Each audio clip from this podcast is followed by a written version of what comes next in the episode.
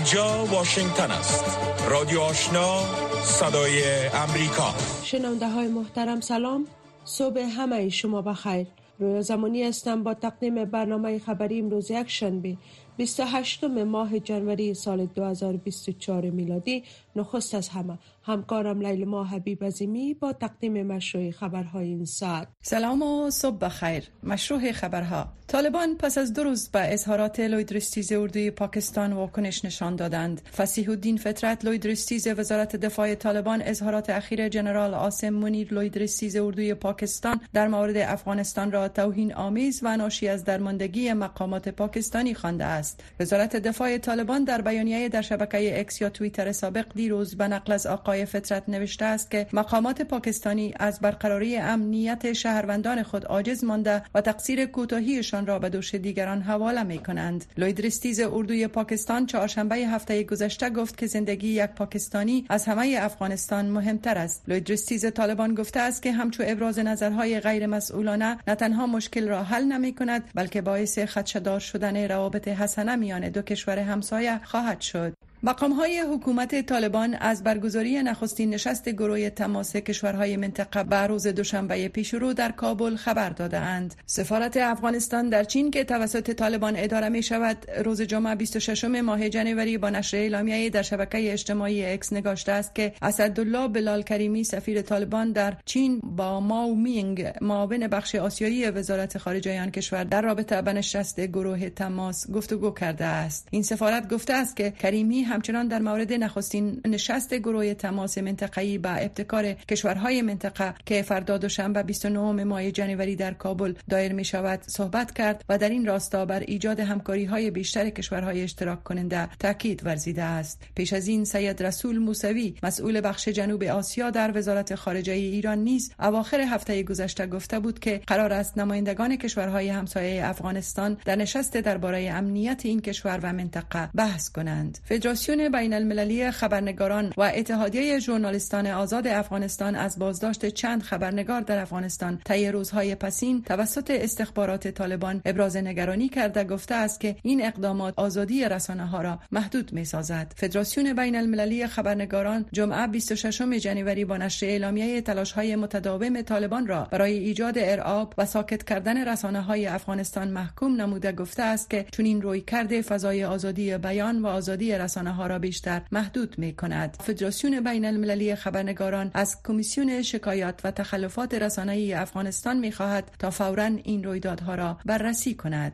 مولوی عبدالکبیر معاون سیاسی ریاست الوزرای حکومت طالبان به تازگی در دیدار با پال کلومان شرجدفیر نروژ در کابل گفته است که در نشست ماه فوریه سازمان ملل متحد درباره افغانستان در دوحه پایتخت قطر نمایندگان این گروه نیز دعوت شدهاند. مرکز رسانه های حکومت طالبان با نشر اعلامیه به نقل از مولوی عبدالکبیر نگاشته است که حکومت طالبان مخالف آموزش زنان و دختران نیست بلکه در این خصوص بر اساس هدایت هبت الله آخونزاده رهبر این گروه کمیته ویژه کار می کند تا زمینه آموزش برای زنان و دختران فراهم شود. همچنان این مقام طالبان تاکید کرده است که حکومت این گروه با شمول امریکا و اتحادیه اروپا و ویژه کشورهای همسایه خواهان روابط نیک و احترام متقابل است. خبرهای منطقه و جهان را از رادیو آشنا صدای امریکا می شنوید افراد مسلح نه شهروند خارجی را در نزدیکی مرز پاکستان کشتند. رسانه های دولتی ایران دیروز شنبه 27 ماه جنوری گزارش دادند که افراد مسلح نه شهروند خارجی را در جنوب شرق ایران واقع در نزدیکی مرز با پاکستان کشتند این کشتار بیش از یک هفته پس از آن رخ می دهد که دو کشور در حملات بیرون مرزی قلمرو یکدیگر را آماج حملات قرار دادند. مهر خبرگزاری رسمی ایران از قول شاهدان گزارش داده است که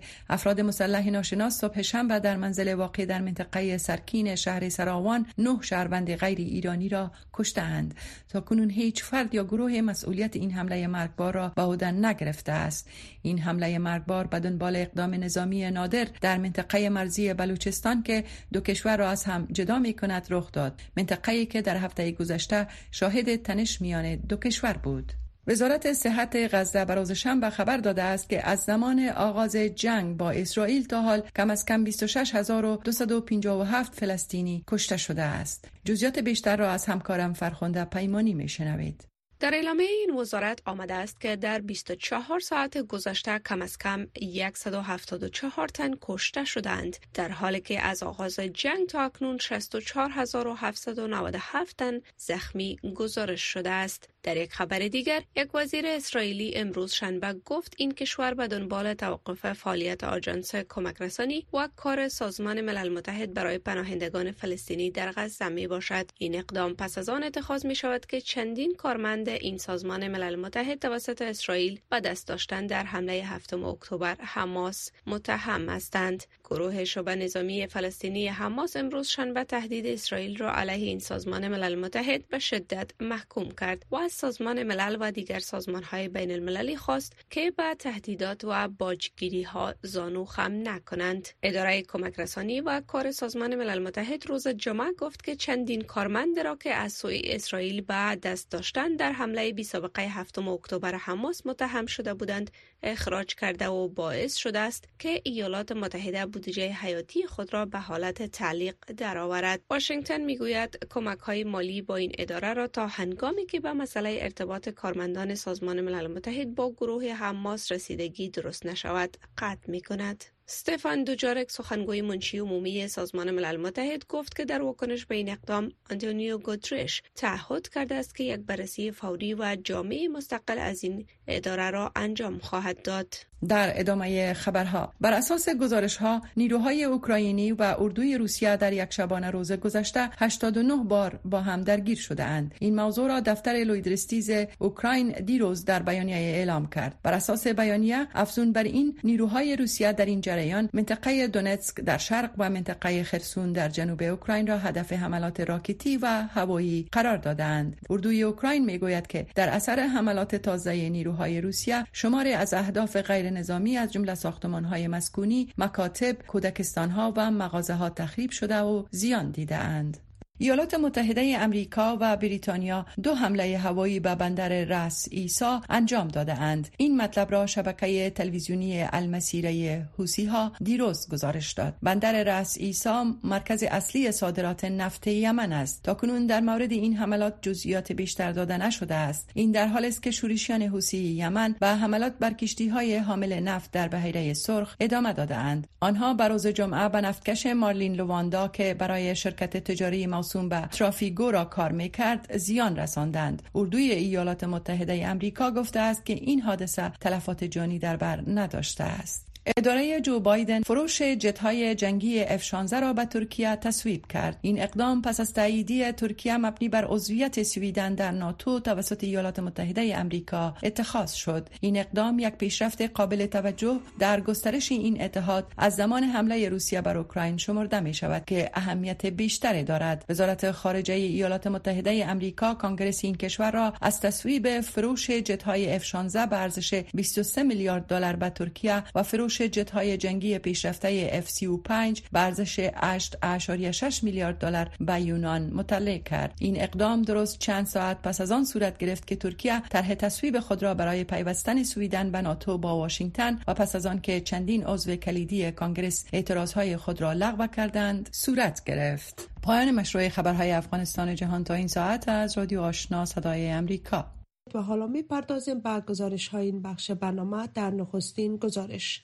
برای دریافت این که کانادا مشخص کند که چین و سایر کشورها تا چی حدی در دو انتخابات اخیر آن کشور مداخله کردند یک کمیسیون رسمی در اتاوا تشکیل می شود این کمیسیون بررسی خواهد کرد که آیا روسیه و هند نیز در این زمینه مداخله کردند یا خیر. تا حال هر سه کشور این اتهامات را رد کردند. خبرنگار صدای امریکا در این مورد گزارش دارد که در آن را. از عبدالواجد عادل مشنوید قرار است قاضی مری هوزه هوگ بر این کمیسیون تحقیقاتی نظارت کند. کمیسیون آخرین تلاش است برای کشف این که چگونه کشورها عمدتا چین روسیه و هند ممکن است به دنبال تاثیرگذاری بر آخرین انتخابات فدرال کانادا بوده باشند.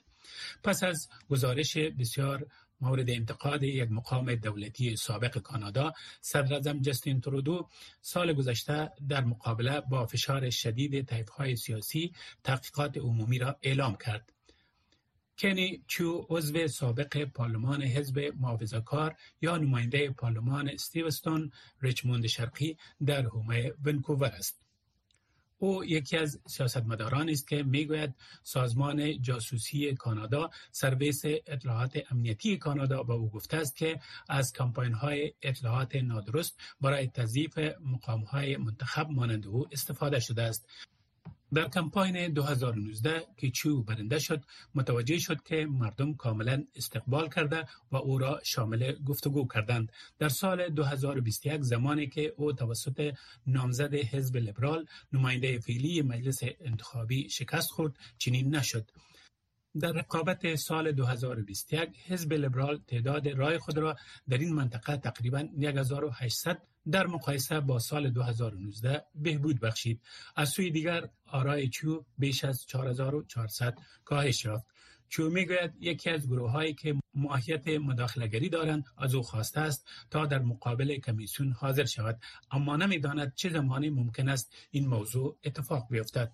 I have no information whatsoever. In fact, من هیچ اطلاعات ندارم. در واقع این فقط یک پرسش شفاهی بود که آیا من حاضرم به عنوان شاهد حضور داشته باشم یا خیر.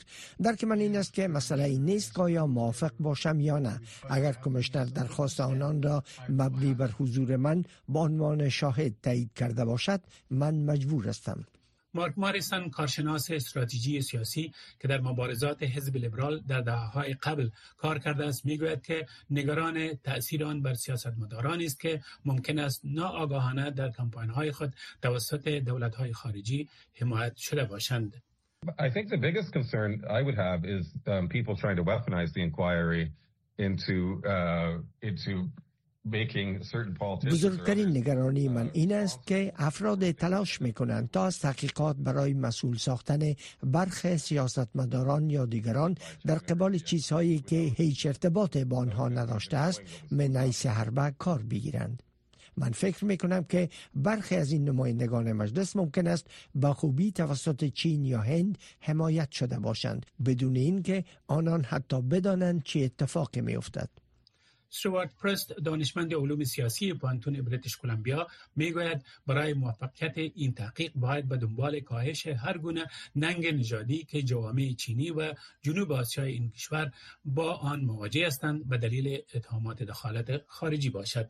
At once, we have concern that there are uh, uh, actions uh, to interfere with Canadian politics orchestrated. ما بلافاصله نگران هستیم که اقدامات برای مداخله در سیاست کانادا وجود دارد که توسط قدرت های خارجی سازماندهی شده است اما سوی دیگر ما نگرانی هایی داریم که کانادایی ها ابراز کردند مبنی بر اینکه شاید اعضای جامعه ما تحت تاثیر یک بازیگر خارجی باشند بنابراین باید کمتر به آنان اعتماد کرد. و کمیسیون دستور داده شده است تا یک گزارش موقت تا سوم می و یک گزارش نهایی تا پایان سال 2024 تهیه کند. انتخابات فدرال بعدی کانادا باید حداکثر تا 20 اکتبر 2025 برگزار شود. هرگاه حکومت لیبرال ترودو در هر نوع قانونگذاری مهم شکست بخورد یا اعتماد مجلس عوام را از دست بدهد در این صورت ممکن است انتخابات زودتر برگزار شود. رادیو آشنا صدای امریکا منبع موثق خبرها و گزارش های جهان و افغانستان. در ادامه گزارش ها ناتو بزرگترین تمرین های نظامی خود را که پس از جنگ سرد پیشینه نداشته به هدف قدرت نمایی و هشدار به روسیه در هفته جاری آغاز می کند قرار است حدود 90 هزار پرسنل نظامی از یک کشور عضو ناتو در این تمرین های نظامی موسوم به مدافعان ثابت قدم 2024 شرکت کنند گزارش صدای آمریکا را در این مورد از مهروی زمانی مشنوید نزدیک به دو سال پس از حمله روسیه بر اوکراین درگیری ها حالا به جنگ فرسایش مبدل شده و ناتو هم تهدید سوی مسکو را احساس می کند. متحدین ناتو بزرگترین تمرینات نظامی خود را هفته گذشته تحت نام دفاع ثابت قدم 24 را اندازی کردند. در ماهای آینده حدود 90 هزار نظامی ناتو در طیف وسیع از تمرینات در سراسر اروپا شرکت خواهند کرد مانند تمریناتی که در سال 2023 در رومانیا انجام یافت در آن تمرینات نظامی 50 کشتی نیروی بحری، 80 جت جنگی و بیش از هزار وسایط نقلیه جنگی شامل بود. ما همه این اقدامات را به خاطر انجام می دهیم تا اطمینان حاصل شود که ما آمادگی، تدارکات و نیرو را برای برطرف کردن هر گونه محاسبه غلط یا سوی تفاهم از جانب مسکو در خصوص آمادگی ما برای دفاع از هر انچ خاک کشورهای عضو ناتو دارا می باشیم. چالش لوجستیکی انتقال سربازان و تجهیزات بخش مهم حیاتی این تمرینات نظامی می باشد. خب آنها چگونه آنجا می رسند و چطور به گونه فوری می توانند آنجا بروند؟ زیرا جنگ در اوکراین نشان داده است که کند بودن بیش از حد به این معنی است که بخشی از خاک شما می تواند اشغال شود و باید آن خاک دوباره تسخیر شود. سویدن کشوری که قرار است در ماه آینده به این پیمان بپیوندد همچنان در این تمرینات اشتراک می کند این بزرگترین تمرین ناتو از سالهای 1980 به این سو می باشد اما در حالی که این پیمان می خواهد بیشتر با انجام همچو تمرینات خود را آماده سازد اوکراین متحد ناتو با کاهش مهمات رو برو از زیرا بسته های کمک نظامی در ایالات متحده امریکا و اتحادیه اروپا به دلیل اختلافات سیاسی همچنان مسدود باقی مانده است. روایت از جانب اوکراین است که اوکراین از ناتو دفاع می کند و اگر کسی از این منطق پیروی می کند که اوکراین اردوی روسیه را کاهش می دهد اردوی روسیه را تضعیف کرده و تهدید نظامی را که روسیه برای اتحاد ناتو به وجود می آورد کاهش شده است یک روایت معتبر است.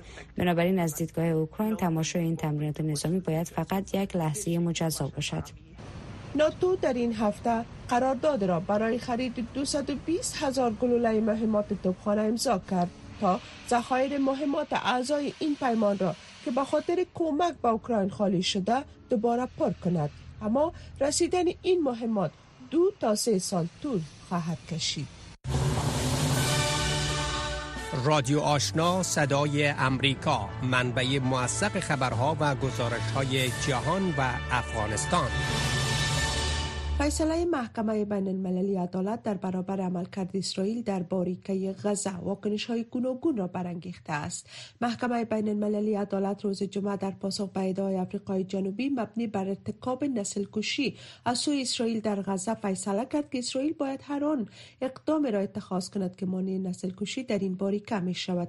ولی این محکمه دستور توقف فوری و کامل عملیات نظامی اسرائیل را صادر نکرد. شرح بیشتر این گزارش ها را از سید عزیز رحمان در حالی که به گفته مقام های صحی غزه شمار تلفات در این باریکه به بیش از 26 هزار نفر افزایش یافته است محکمه بین المللی عدالت به اسرائیل دستور داده است که به خاطر جلوگیری از نسل کشی در غزه اقدام عاجل را اتخاذ کند.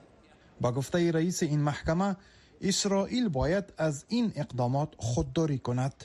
کشتار اعضای گروه یعنی فلسطینی ها در غزه دوم آسیب رساندن شدید جسمی یا روحی به اعضای این گروه یعنی فلسطینی ها سوم تحمیل عمدی شرایط در برابر این گروه مردم که به خاطر تخریب فیزیکی آنان محاسبه شده باشد.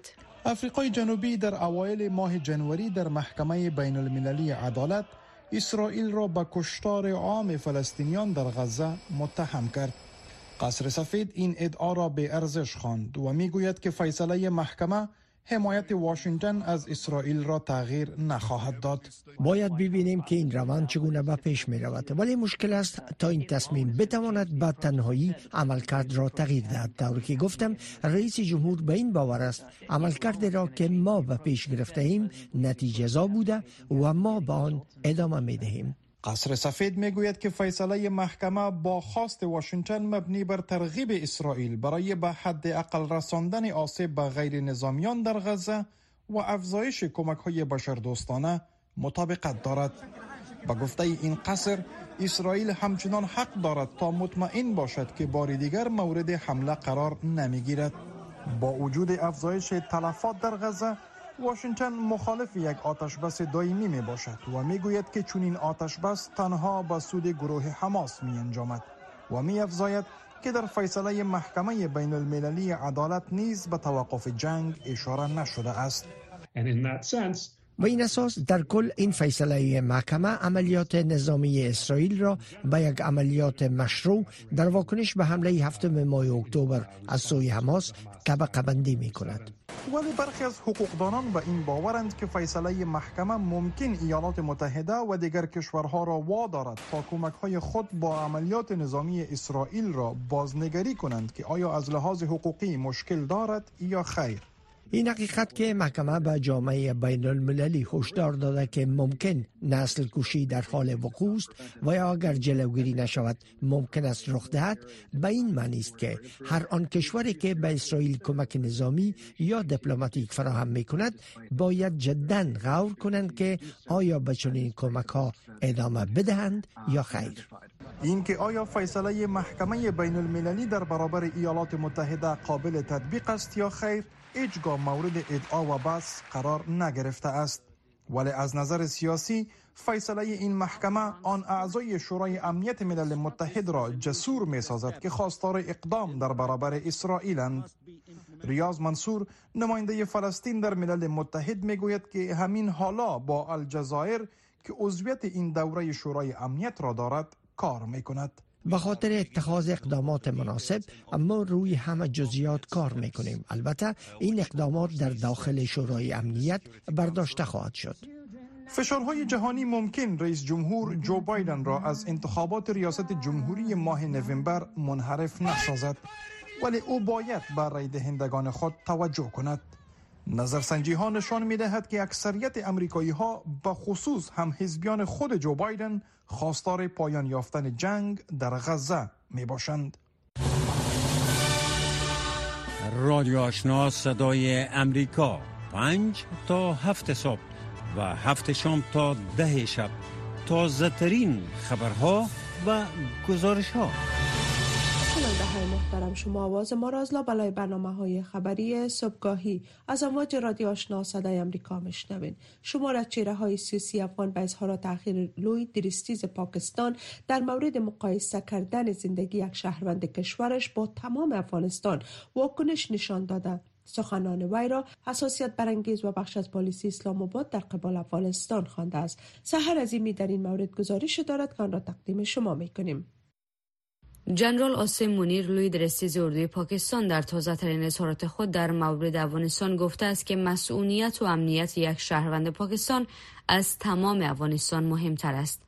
برخی کارشناسان مسائل سیاسی می‌گویند که این برخورد پاکستان ریشه در بی‌اعتنایی حاکمان در افغانستان به کشور و مردمشان دارد. متاسفانه طالبان با وضعیتی که با مردم خود می‌کنند در افغانستان مردم حقیر ساختند کشور منزوی ساختن این تنها آسیم منیر نیست که طور حرفا می‌زنن شما ببینید که با مهاجرین افغانستان در کشورهای همسایه و با مهاجرین افغانستان در سرحدات چی رفتار رخ میده؟ این برازی است که طالبان کشور به اهمیت ساختن تأسف در اینجاست. با گزارش رسانه های پاکستان جنرال آسم مونیر این اظهارات روز چهارشنبه در بیانیه خطاب به دانشجویان دانشگاه دولتی و خصوصی پاکستان در اسلام آباد ابراز کرده که درباره سیاست این کشور در قبال همسایگان بوده است. او همچنین بحث آشتی با هند رقیب دیرینه پاکستان را هم رد کرد. حکومت طالبان هنوز در مورد اظهارات لوی درسی زردوی پاکستان واکنش نشان نداده است اما برخی افراد در طرفداری از این گروه به شبکه اجتماعی اظهارات لوید رسیز پاکستان را تقبیح کردند شماره از تحلیلگران به این باورند که روی کرده پاکستان عمق خصومت این کشور را در مقابل افغانستان نشان می دهد.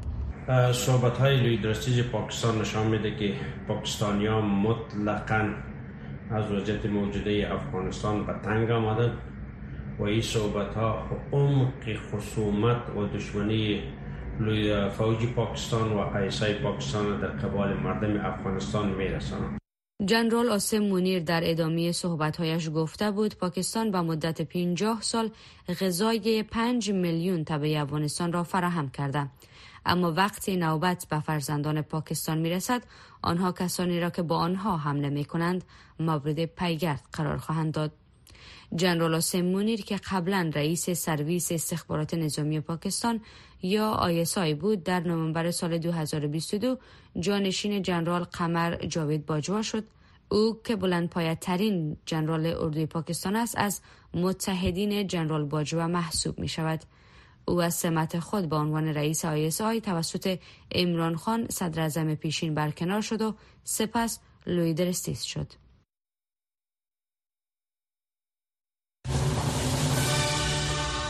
رادیو آشنا صدای امریکا. پنج تا هفت صبح و هفت شام تا ده شب. تازه ترین خبرها و گزارش ها در آخرین گزارش این بخش برنامه از امواج رادیو آشنا صدای امریکا. در روزهای آینده این نزدیک دو نشست در مورد افغانستان برگزار می گردد یکی نشست گروه تماس منطقه‌ای که روز دوشنبه برگزار خواهد شد و دیگر نشست دوحه در قطر است. عبدالکریم معاون سیاسی ریاست الوزرای حکومت طالبان گفته است که در نشست ماه فبروری سازمان ملل متحد درباره افغانستان در دوحه نمایندگان این گروه نیز دعوت شدند. در نشست تماس منطقه‌ای کشورهای همسایه و منطقه نیز حضور خواهند داشت. برای بررسی اهمیت این نشست در مورد وضعیت افغانستان نجیب خلیل مصاحبه با نازیلا جمشیدی تحلیلگر مسائل سیاسی انجام داده است که اینک بعد توجه شما رسانیده می اهمیت این نشست ها برای بررسی وضعیت افغانستان و ویژه رسیدگی به برخوردهای سختگیرانه طالبان وضع محدودیت ها بر و دخترها چیست؟ و از نگاه به این نشست ها اهمیت خود داره در دراز مدت که می‌تونه تأثیر گذاری داشته باشه. اما نتیجه آنی فوری و ملموسی به خصوص در روی تغییر پالیسی های طالبان در رابطه با مسائل حقوق بشری و به خصوص حقوق بشری زنهای افغانستان نداره. اما با این حال اهمیت خود خود مشخصا همی نشست داره به دو دلیل. دلیل اولی این هست که ببینید اینها تصمیم گرفتن این بار بیاین روی یک مکانیزم مکانیزم منسجم واحد و طوری که کشورهای عضو در او هم اشتراک داشته باشند به نوعی اشتراک کشورها در حقیقت بسیج بسازند و همین که اونها روی یک پالیسی منسجم در دور هم بیارن در رابطه با نوع روی کردینا به طالبان و نوع برخورد با طالبان و اینکه بالاخره چه تصمیمی باید روی پالیسی های مرتبط با طالبان گرفته بشه که به نظر من اهمیت داره و این خوبی هست که ما در مدت دو سال و, دو سال و چند ماه ما متاسفانه با کمبود یک مکانیزم واحد و منسجم در رابطه با طالبان نوع تعامل نوع رویکرد نوع برخورد نوع هماهنگی ها از کشورهای مختلف بودیم و من امیدوار هستم که یکی از نتایج این نشست همی باشه که یک مکانیزم ایجاد بشه. بله. مسئله دوم مسئله فرستاده ویژه هست. من قبول دارم که قبلا هم فرستادگان دگی به افغانستان رفتن. اما تفاوتی که من در این مسئله می‌بینم این فرستاده ای که قرار هست تعیین بشه اولا